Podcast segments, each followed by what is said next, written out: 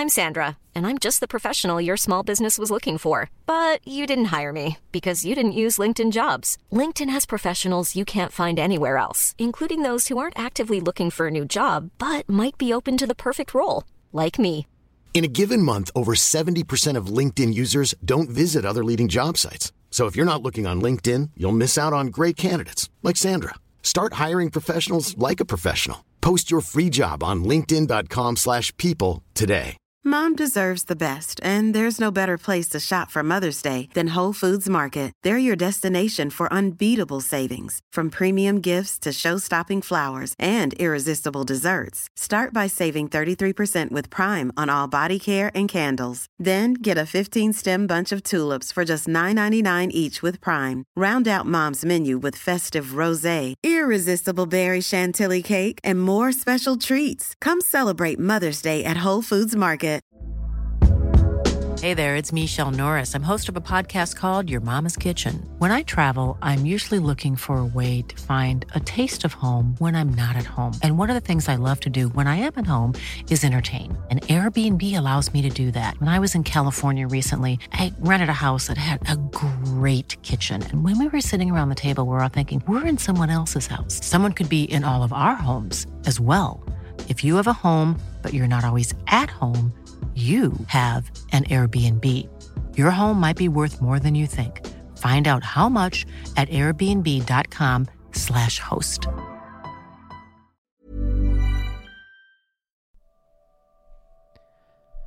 Maria Adler är född i Lund 1992 och har många gånger benämnts som nästa stora namn i svensk handboll. Hon debuterade redan som 15-åring i Lugis A-lag, utsågs till årets komet i elitserien som 20-åring och blev uttagen till All-Star Team under U19-EM 2011 och U20-VM 2012. Men redan som 17-åring känner hon av att kroppen säger ifrån. Men som den vinnarskalle hon är, lyssnar hon inte. I det här avsnittet av Lunds stolthet pratar vi om 16-meterskanonen mot KIF Vajen, det korta äventyret i Slovenien och hennes oväntade comeback som försvarsspelare i Lugi under våren 2020. Det här är Lunds stolthet.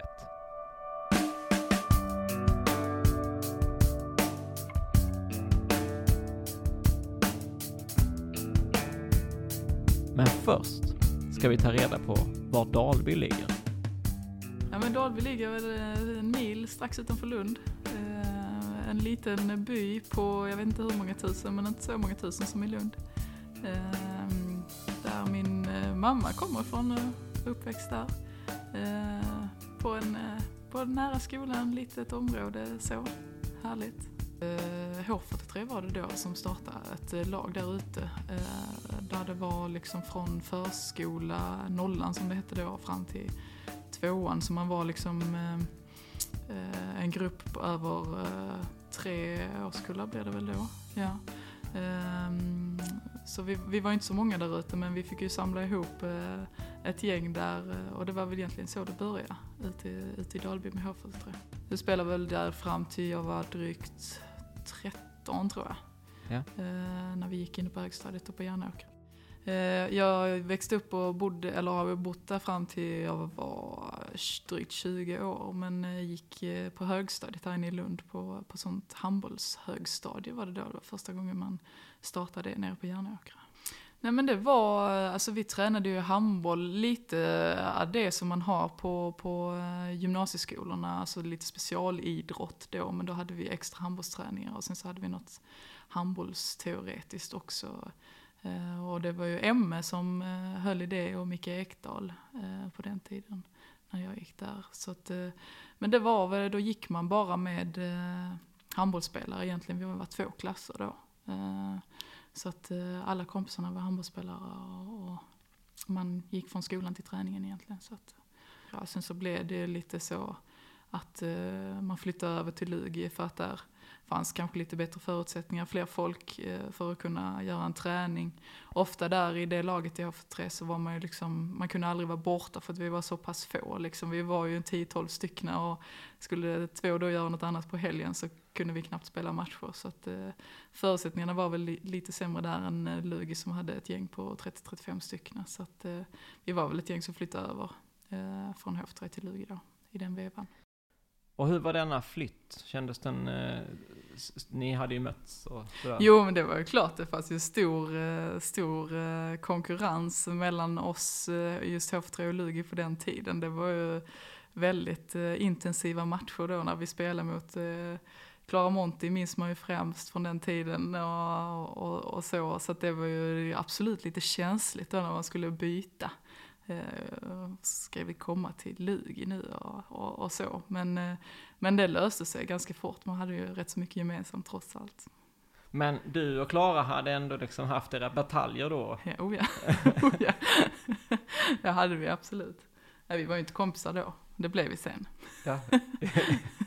Nej, alltså på den, när vi var lite yngre så spelade ju Klara högernia i sitt Lugi och jag vänsternio i HF3, så vi mötte ju varandra på banan liksom. Eh, så där var det fighter, absolut. men då kunde ni varandras tjuvtrick? Ja, ja men absolut. Jag har provat allt på varandra. Så det...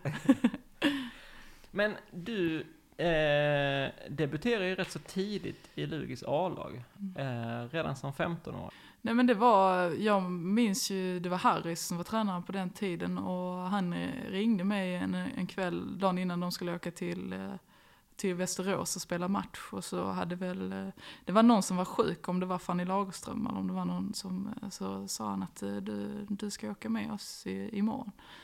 Och det var ju bara att packa väskan och göra det. Och det var väl kanske ganska skönt att bara bli inslängd i det så och, och, och få debutera.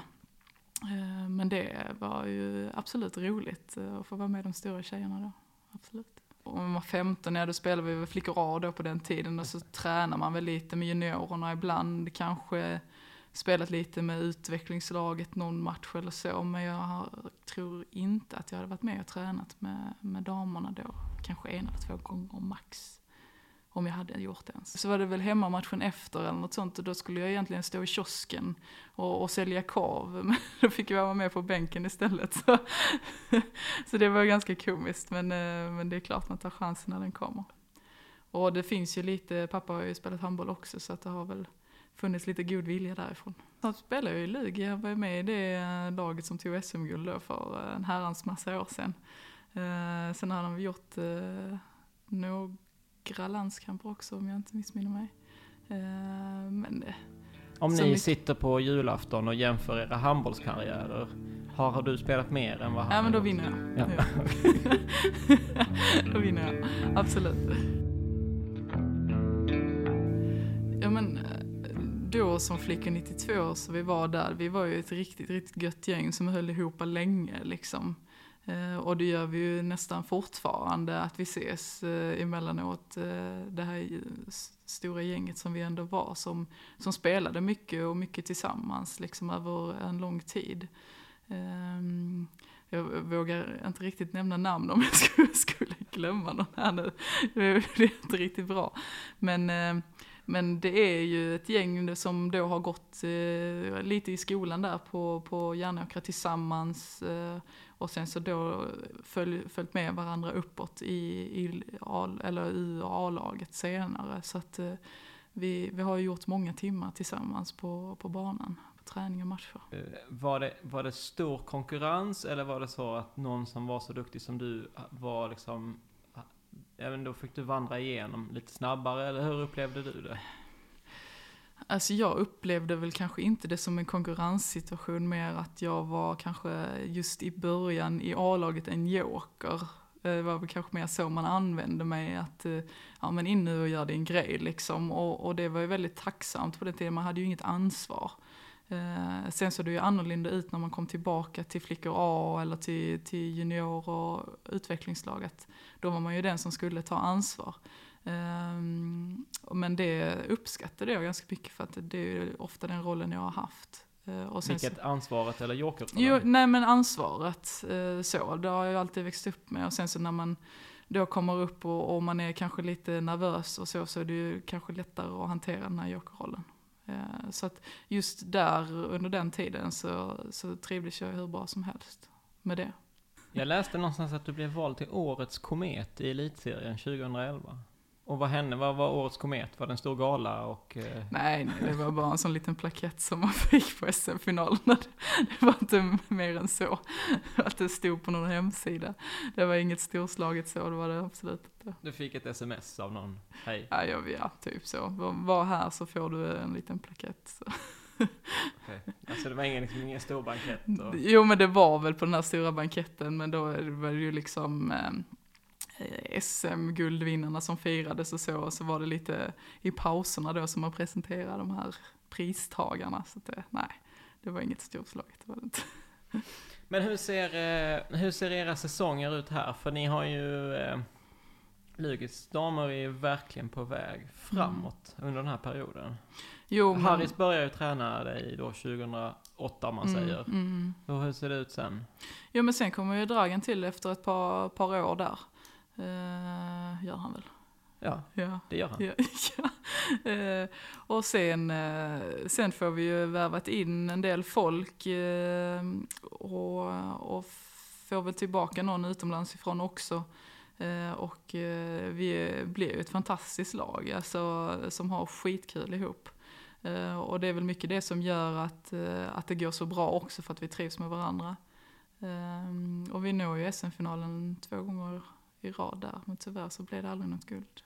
Alltså första finalen, då, då låg vi väl jämnt fram till halvlek som jag förstår det. Och sen så eh, andra halvleken så, så kör ju Sävehof över oss. Då förlorar vi ganska klart. Men sen så i final nummer två där så går det ju till förlängning. Och jag kan inte svara på varför vi förlorar men de hade väl lite mer rutin i, i just de situationerna när, det väl ska avgöras. Och sen är det ju liksom marginaler som man alltid säger, men eh, vi hade ju lika gärna kunnat vinna det den gången. Men eh, tyvärr så, så blev det inte så. Vi var kanske lite för unga, några av oss. Ja men och så kanske det var. Och du försvinner mm. sen till Danmark. Mm. Och du är inte så gammal när du försvinner till Danmark? Nej, 2021. Det hade väl kanske redan varit aktuellt året innan. Uh, och jag var väl lite sugen på att prova det. Uh, komma ut och, spela i Danmark. Och jag tror ändå det var ganska bra timing i det att komma ut just då. För att Eh, spela två finaler, spela mycket liksom. Och var väl redo för nästa steg tyckte jag själv. Eh, och, och, Danmark var ju väldigt bra. Alltså, en bra liga, mycket liksom tuffare och det var liksom nästa steg i träning och träningsmängd och intensitet. Så att det passade ganska bra där. Då var det ju någon bättre ligorna. Och det var ju inte så långt hemifrån heller. Så nu bodde jag på Fyn och det tar väl två, två och en halv timme att komma dit. Så att eh, det passade ganska bra. Du flyttar ju till Odense. Odense, ja. Eh, ja, men det är inte så långt. Nej.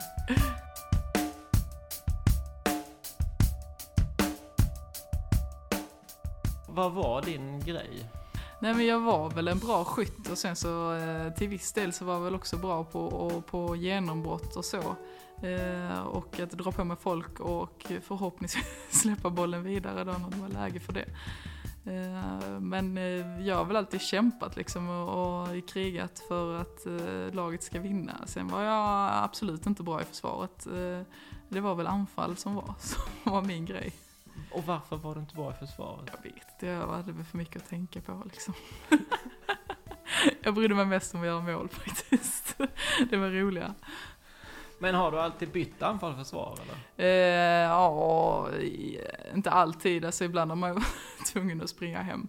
Eh, och, och, så. Men eh, ja, för det mesta har det varit så ja. Jag kan inte riktigt förklara det. Det är väl kanske lite det där med att det var roligast att göra mål. Men sen har jag liksom aldrig riktigt fattat det liksom. Eller jag har inte varit så här nej, nej, nej, men det har inte varit min grej liksom. Det här var snabb i fötterna, det är liksom, nej. Det, det var andra bättre på. För eh, eh det, det, ja, ja, men det var ju så. Alltså, det var inte min grej. Det är ju en hel del briljanta inspel. Jo, men det har alltid varit eh, kul. Jag har alltid gillat att samarbeta med linjen. Eh, så det är väl kanske många som har varit tacksamma för. Inklusive Klara mm, Jag tror det. Emellanåt så var hon ganska nöjd faktiskt.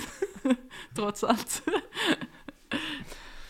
Nej men det var väl eh, under ett mästerskap så eh, i ungdomslandslaget eller juniorlandslaget där så blev jag kontaktad av en agentfirma i Danmark eh, som, eh, eh, som gärna ville ha mig, eh, eller ha hand om mig, eller vad man säger. Eh, så de har väl egentligen skött allt intresse som har kommit eh, ifrån Danmark och, och från andra ställen. Ehm, och de la väl fram liksom de erbjudanden jag hade och eh, vi åkte på en liten tur till Danmark och träffade ett gäng klubbar. Uh, agenten och du? Agenten och jag och pappa, mamma. Uh, och, och, träffade liksom tränare och, och så hur klubbarna Var de med för att kolla att allting stod rätt till eller var de bara med för att få kolla på Danmark? Dina föräldrar? Nej, de ville, de var nog måna om var jag skulle hamna någonstans. Men vi svängde in om bottleshopen. Ja, det kändes lite som att det var det. jo, det var lite så. Eh, nej men då, och så fick klubbarna liksom presentera sitt och, och, vad de tänkte om mig och vad de tyckte om eh, vad de hade för ambitioner och hur allting såg ut och sånt. Eh, men då var det väl eh, Odense som föll mig mest i smaken kan man säga. Eh, med eh, eh tränare och faciliteter och läge och ambitioner och, och och vad de ville använda mig till. Det var inte försvaret då? Nej, nej, inte, försvar, inte försvaret, det var inte det de tänkte på. Nej, men eh, eh, de hade faktiskt kvalat eh, neråt, alltså för att åka ut. Eh, och eh, ja, de skulle väl ha in eh, ett gäng nya spelare och de såg väl mig som, som ett första val på, på vänsternypositionen och eh, det var ju absolut lockande att, eh, att komma till Danmark och ha en, en sån roll i, i ett lag i, i ligan för min egen utveckling. Eh, så det, var, det handlade mycket om det. faktiskt. De hade väl legat lite lägre ett par år där. Och de ville göra en satsning. Så det var klart lockande. Det var flera som kom från det danska juniorlandslaget som vi spelade mot. Louise Christensen och, och Greve och de Eh, så det var ganska många spelare så att säga som kom ganska unga till Odense mm, då? Jo, men det var det. Alltså vi var ett gäng 92 år, någon 91 90 år där liksom som kom då som ett litet uppsving. Så att eh, det var väldigt roligt att det var många unga som kom dit. Hur är livet i Odense? Jo men det var skithärligt. Jag älskade att bo där. Eh, och hade en fantastisk tid där, speciellt med Jessica Helleberg när hon, när hon spelade. Eh, vi bodde nästan ihop och lagade mat ihop eh, varje dag. Vi hade skitroligt. Hade vi. Men, men Odense, det är ju det är H.C. Andersens Stämmer, ja. födelseort. Mm. Och så är det, vad är det mer? Det är Nougat. Just det, och Odense marsipan. Marsipan, mm, mm. ja. Jo, nej men det, alltså det är en skittrevlig by. Det påminner lite om Lund. Eh, lite så gamla hus och kullersten och, och så eh, så där trivdes jag jättebra.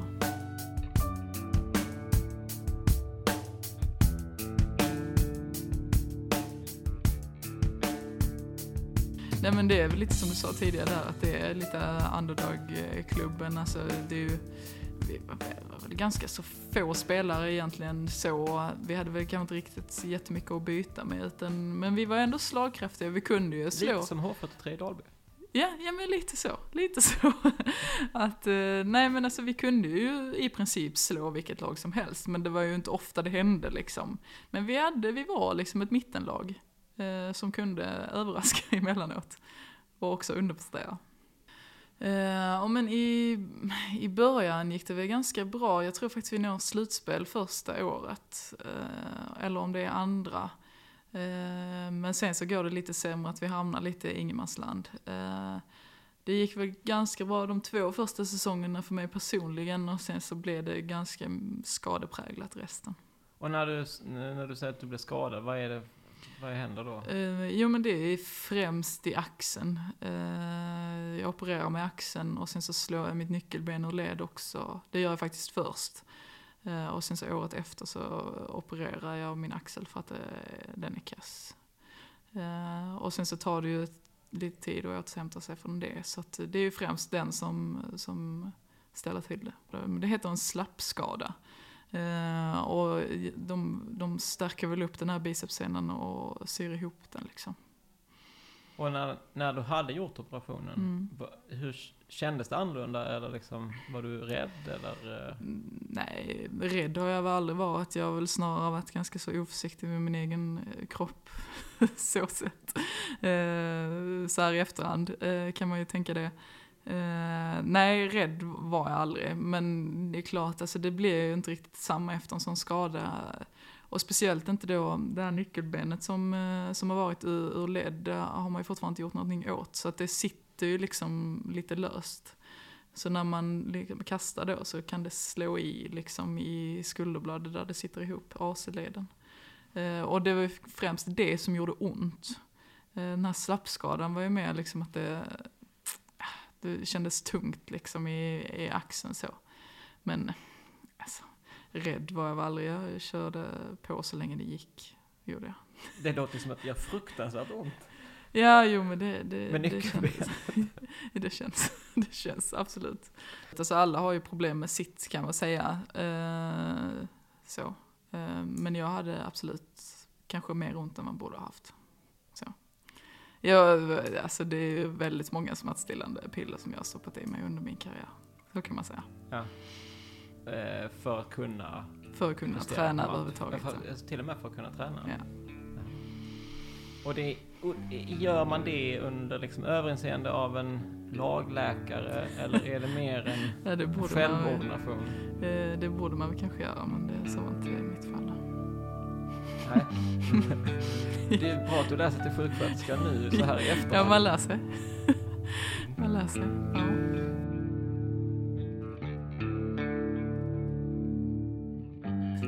Jag spelade väl eh, matcher och så, men eh, hade ju problem med träning. Alltså, jag kunde väl inte riktigt skjuta ordentligt på träningarna och sen så var det liksom, jag hade det så allmänt ont i kroppen alltid liksom. Svårt att komma igång på träningarna, problem med fötter, knä och lite allt möjligt sånt. Så eh, nej, det var väl inte riktigt hundra där. Det finns ju ett eh, grymt klipp om man vill. Eh, det finns sån här 16 meters kanonen Ja. eh, som, som man kan rekommendera att alla ska gå in och titta på. Ja, den är bra. Den tittar jag på ibland. Gör du det? Ja. Så gött. Jo, det är härligt. Minnas tillbaka. Mm. Eh, berätta, för de som inte har sett det så kommer ju alla googla upp detta. Men Mm. det är när Odensen möter Vajen. Kiffvargen, ja. Ja, Mm. 2014. Om Mm. Jo, men det var, det var ju faktiskt där första säsongen eh, på, på våren. Eh, och vi spelade den här matchen borta mot Vejen och det är ju egentligen en, eh, en sån eh, dubbelpoängsmatch där liksom vi spelar verkligen om en, om en slutspelsplats eh, mot dem. Eh, och eh, det står eh, lika och så har vi, jag vet inte om det är kanske fyra, fem sekunder kvar eller något sånt. eh, och vi har ett avkast och sen så river de ner mig så de får ett rött kort. Jag tror de hade fått ett rött kort tidigare också så att de är bara fyra utspelare då på planen. Och så tiden går ut och vi får ett frikast där, 15-16 meter eller någonting och det var bara så, ja fan, det, det är bara att kasta det här liksom. Det, det, det kommer ju aldrig gå. Eh, men så kallar min tränare eller min assistent, och tränar ut mig och så säger han, du, eh, sikta på långa, hon, hon är svag i den armen. Mm. Ja visst, jag, jag siktar. och så går den, eh, så går den in. Eh, och det, det var ju egentligen avgörande det målet, för det är det som gör att vi, vi går till slutspel det, det året. Så det är ju egentligen inte bara år, målet som är fantastiskt, utan det, är liksom, det avgör ju hela säsongen kan man säga. Så det är en sån liten backstory till det. Där är, där är många fina detaljer i den där, om man vill titta på det klippet. För där är liksom, det är ju, det är ju dessutom filmat så att man ser ju hela deras bänk. Ja. Eh, som ju bara dör eh, när detta händer. Ja. För det ska, den ska inte gå in. Nej, nej, det är helt omöjligt. Det ska Eh, den inte Men det ser ut som att det är liksom, ja ja, men jag sätter den där. Ja. Jo, men det var väl, jag var rätt så irriterad också för hon som hade rivit ner mig där, så att det var lite så, nu kör vi. Det var inget att förlora.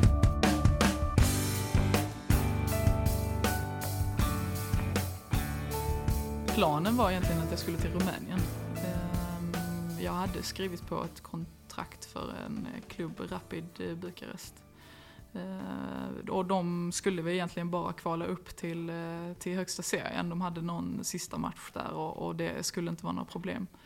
Men eh, någonting hände och eh, de förlorade den matchen. Så kontraktet revs. Så jag skulle egentligen vara två år i, i Rumänien. Men då, där slutet på maj eller vad det var, stod jag plötsligt utan plan, utan kontrakt. Och jag hade väl lite löst sagt att nej men jag vill ut och jag vill spela Champions League, vi vill ut i Europa och prova på någonting annat.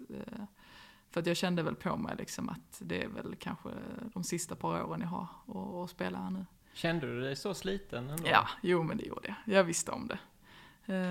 Och då fick jag erbjudande från, från Krim. Jag åkte ner där och gjorde alla möjliga tester och läkarundersökningar och sånt och så fick jag kontrakt ner. Krim har ju alltid eh, spelat Champions League så länge jag kan minnas. Eh, I början på eh, 2000-talet har de ju också vunnit, vunnit Champions League. Inhemska ligan är ju absolut ingenting att hänga i julgranen så. Men sen så spelade de eh, lite, vad ska man kalla Balkanliga liksom. Eh, kanske inte uttalat liga så, men vi hade mycket matcher runt om eh, nere till eh, Montenegro, Makedonien och sånt där. Mm. Men hur, eh, när man nu flyttar från Odense till eh, Ljubljana då, ja. hur, hur är den? Nej, det är väldigt eh, stora kontraster. Eh, kanske lite för stora kontraster för mig nu så här i efterhand. Eh, det är stora kulturella skillnader. Alltså stan är ju jättehärlig och så, men eh, men det fanns mycket där som, eh, som inte riktigt passade mig. Så. På vilket sätt? Nej men lite kulturellt, alltså just i idrottsligt, alltså hur man som spelare kan bli behandlad,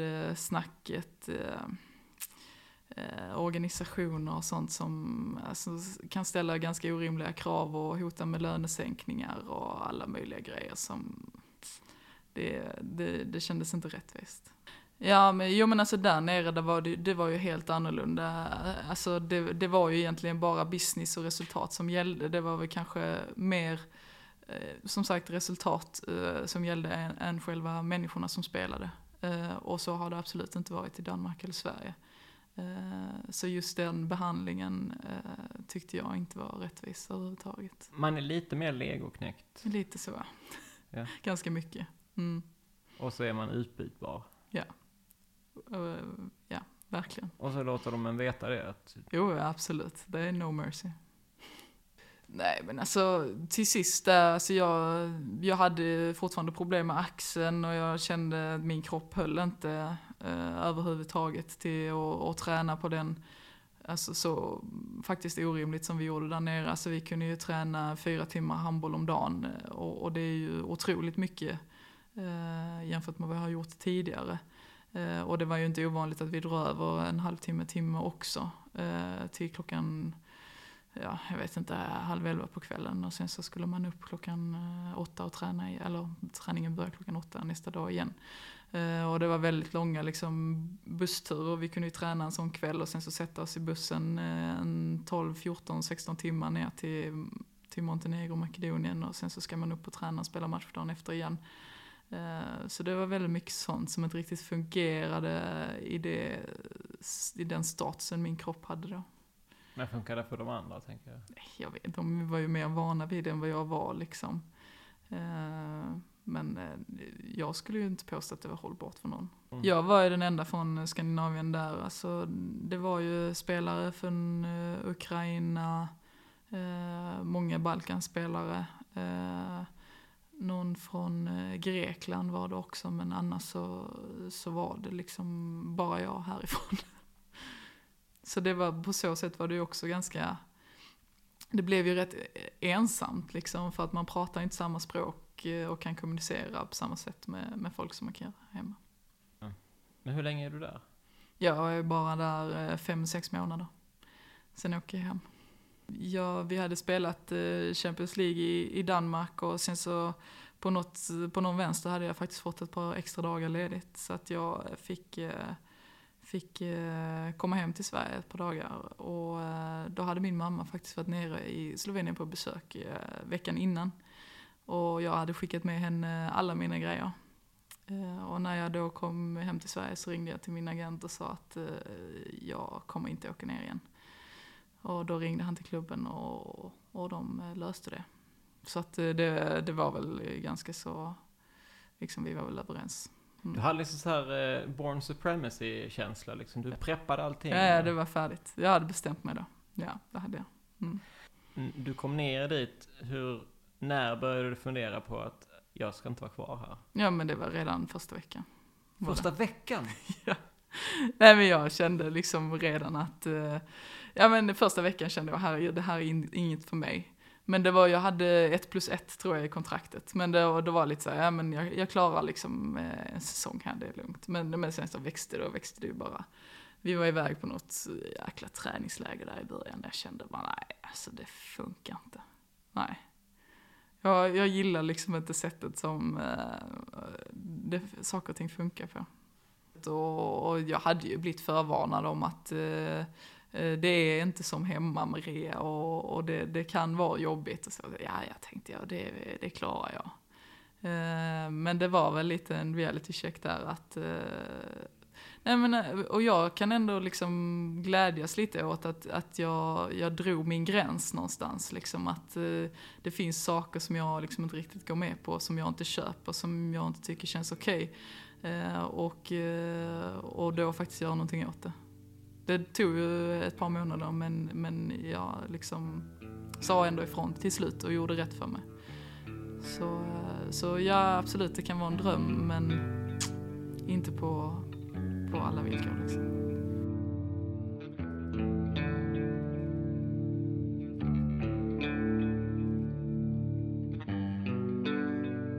Alltså, det, jag kunde inte föreställa mig något värre än att åka. Jag ta med mig alla väskorna som mamma hade tagit med sig hem och åka ner där igen. Uh, det, nej, men jag hade inte gjort det. Alltså, det, det hade jag inte gjort. Det. Så det var skönt att det löstes på ett bra sätt. Men eh, här bestämde du dig också för att liksom lägga ner karriären? Ja, nej men alltså det var väl lite i valet och kvalet där att, eh, ja men mitt i säsongen försöka hitta någon ny klubb. Eh, eh ny, nytt spelsystem, liksom komma in med nya tränare, flytta igen och, och jag kände väl då också att eh, kroppen höll inte för det. Eh, och jag ville liksom inte komma till en klubb och, och inte kunna träna ordentligt. Eh, för så hade det varit en tid liksom, att jag inte kunnat göra. Eh, eller jag hade väl liksom tänkt så här efter jag slutat, att ja men vad skönt, nu slutar jag träna och nu kommer allting med kroppen kännas bra igen. Liksom. Men eh, ett år efter så var det fortfarande samma sak. Alltså jag, det är ju svårt att gå ut med hunden bara liksom. Kunde inte gå längre sträckor, allting gjorde ont, fick gå baklänges nerför trappor liksom. Eh, helt eh, jättekonstigt. Eh, och då bestämde jag mig för att nej men nu, nu får jag gå till läkaren och kolla upp det ordentligt. Och då visade det sig att jag hade reumatism. Eh, som sitter liksom främst i, i rygg, bäcken och, och sen så ner i, i fötter och, och knä. Så. Eh, och det är ju som, symptom som jag har känt sen jag spelade i Lugi. Eh, egentligen på vissa ställen. Så att eh, jag har väl haft det sen jag en 17-18 år. Och, och, och, vad är symptomen så att säga? Ja men det är ju, alltså det är ju en inflammation som man har i leder eh, hela tiden och, och, det gör ju ont på lite konstiga ställen. Alltså jag har i tårna till exempel eh, som är svullna. Eh, eller i liksom framfoten mer kan man säga. Eh, som svullnar och, och liksom det gör ont hela tiden kan man säga. Och det, jag har ju alltid tolkat det som att ja, men jag tränar för mycket eller jag fick en smäll där och det är något annat. Och det har alltid blivit bortförklarat och det har gjorts konstiga operationer och, och, och sprutor och, och, grejer som liksom har varit lapplösningar under många, många år. Men eh, till slut så, så har det väl fått, fått fram eh, sanningen kring det. Mm. Var det en lättnad att få det konstaterat vad det var? Eller? Jo men absolut, alltså, jag har ju alltid vetat att det har varit något konstigt. För att det, liksom inte, det har inte varit, som vi pratade om innan, alltså, det har inte varit samma för de andra spelarna. Alltså, visst, de har också haft ont på sitt sätt, men jag har liksom inte kunnat relatera min smärta på samma sätt som, som, som på det sätt som de har haft det. Så jag har ju vetat att det har varit något knas, men jag har ju liksom inte vetat vad. Eh, så det var ju, för mig var det bara en otrolig lättnad och liksom så, för att kunna behandla det, äntligen. Mm. Och behandlar du det nu? Mm. Mm. Då tar jag sprutor varannan vecka för det.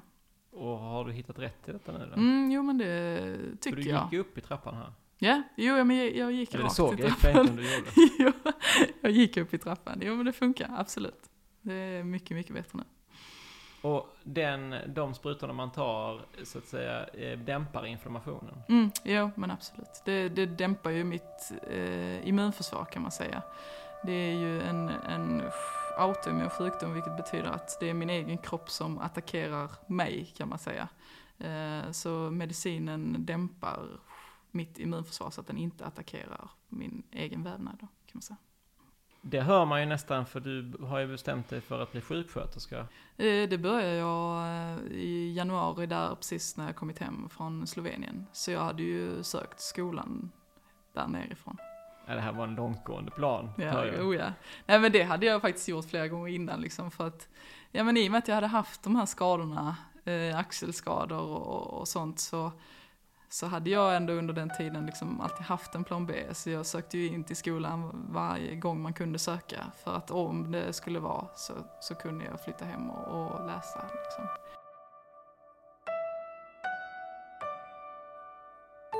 Man går ju de här rikslägerna och sen så började med lite Scandiberico och sånt när man är 17, 16, 17. Och sen så rullar ju hela det där igång liksom med U och J-landslag. Eh, Så det var väl, ja vad blev det, en fyraårsperiod där, där man spelar eh, både och. och. Och det var ju en fantastisk tid, alltså det skulle jag inte vilja byta mot någonting faktiskt. Och det var lite samma där, att vi, vi trivdes så bra ihop och det var nog mycket det som gjorde att det gick så bra också. Vem är det som spelar i det här laget? Oj, gud. Det är ju Louis Sand, eh, det är jag, eh, Linn och Lina, Clara Monti, Anna Lagerqvist, Emma Friberg, eh, Karin Strömberg, Linnea Claesson. Eh, ja, gud. Alltså det är ju många skitbra spelare. Nu glömmer jag säkert många, det, man ska aldrig blanda in namn i det här. Nej, men man, Så- jag tänker mer man får en bild av vem det är vi Ja, ser och här. Linn Blom såklart också. Eh, alltså, det var ju jätte, jättemånga bra spelare. Alltså, Vanessa var med och eh, Sara Johansson och alltså, vi var skitbra. Var vi. Uppenbarligen. Ja, det var vi. Ni vann ju VM två gånger. Men, men eh, eh, där, eh, där är två, ett U19-EM och ett U20-VM som du också blir uttagen till All-Star Team Mm, som Mm. vänsternia. mm, stämmer. Var det samma sak där? Ett sms och... Nej, det, det, men det var ju också lite sådär efter finalen så blev alla uppkallade med mikrofoner så fick man väl någon sån liten glasgrej. Så det, det, har aldrig varit något storslag på sånt där men, men det är väl kanske mer den person, personliga utnämningen i det som, som är, häftig. Så att, eh, nej men det, det var jätteroligt att jag blev det. Mm. För det är ändå i konkurrens med ganska många. Jo, absolut. Det fanns ju många jätte, jätteduktiga spelare som spelar för sina landslag nu. Ja. Det, jag blev alltid skadad liksom. Jag hade problem med axeln redan när jag var 18, 19, 20 år. Och, och det har väl alltid liksom satt käppar i hjulet för mig. Uh, och uh, sen har det ju alltid funnits så många bra spelare på vänstern i, i Sverige så att konkurrensen har ju varit väldigt tuff. Och har man då liksom, om man då rapporterar att ja, men axeln är kanske inte 100% då, är, då, är, då blir man ju frånvald. Så är det ju.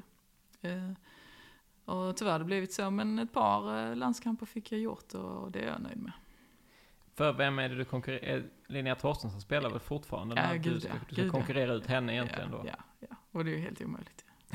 alltså, nej, det, det fanns ju inte på kartan. Nej, nej, så det var, många bra spelare. Jenny Ann var ju också där och Jamina Roberts och, eh, eller det gänget. Så att, eh, nej, nej, där fick jag lugnt sätta mig ner. Eh, ja men du har, varit, eh, du har suttit på bänken några gånger? Ja, jag har suttit på bänken, ja, precis. Och haft, haft jackan uppknäppt? Exakt.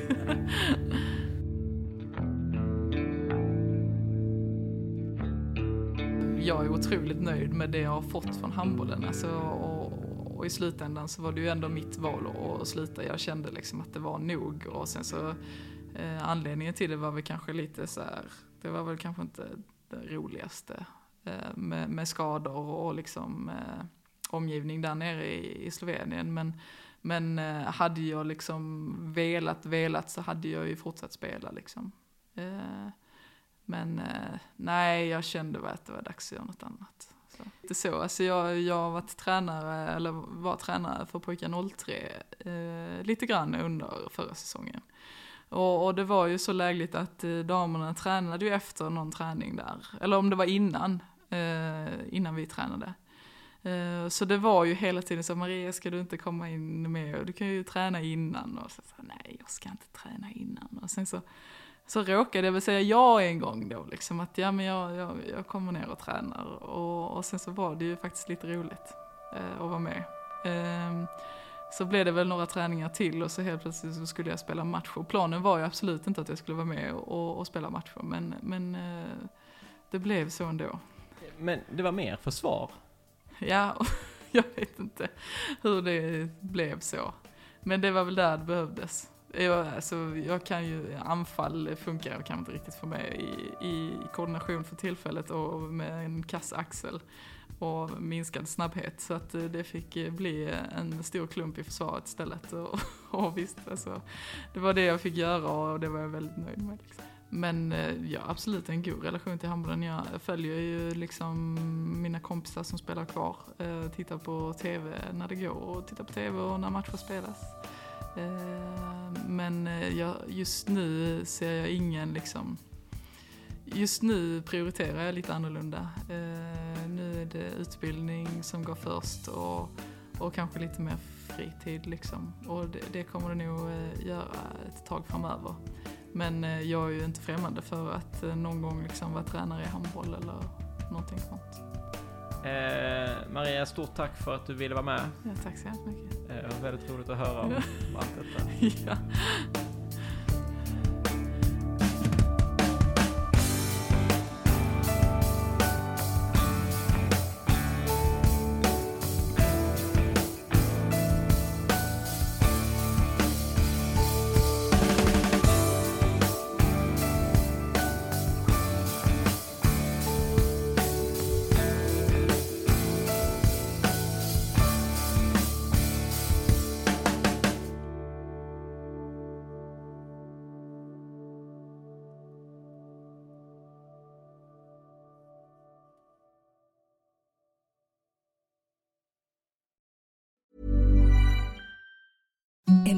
Softest sheets you've ever felt. Now imagine them getting even softer over time. That's what you'll feel with Bowl and Branch's organic cotton sheets. In a recent customer survey, 96% replied that Bowl and Branch sheets get softer with every wash. Start getting your best night's sleep in these sheets that get softer and softer for years to come. Try their sheets with a 30-night guarantee. Plus, get 15% off your first order at bowlandbranch.com. Code BUTTERY. Exclusions apply. See site for details.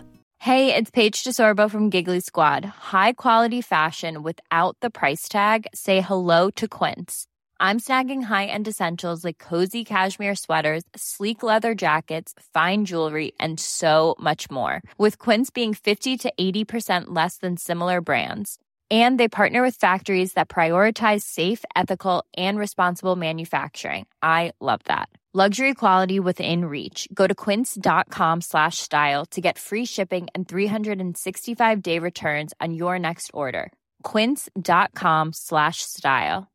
Mom deserves the best, and there's no better place to shop for Mother's Day than Whole Foods Market. They're your destination for unbeatable savings, from premium gifts to show-stopping flowers and irresistible desserts. Start by saving 33% with Prime on all body care and candles. Then get a 15-stem bunch of tulips for just $9.99 each with Prime. Round out Mom's menu with festive rosé, irresistible berry chantilly cake, and more special treats. Come celebrate Mother's Day at Whole Foods Market.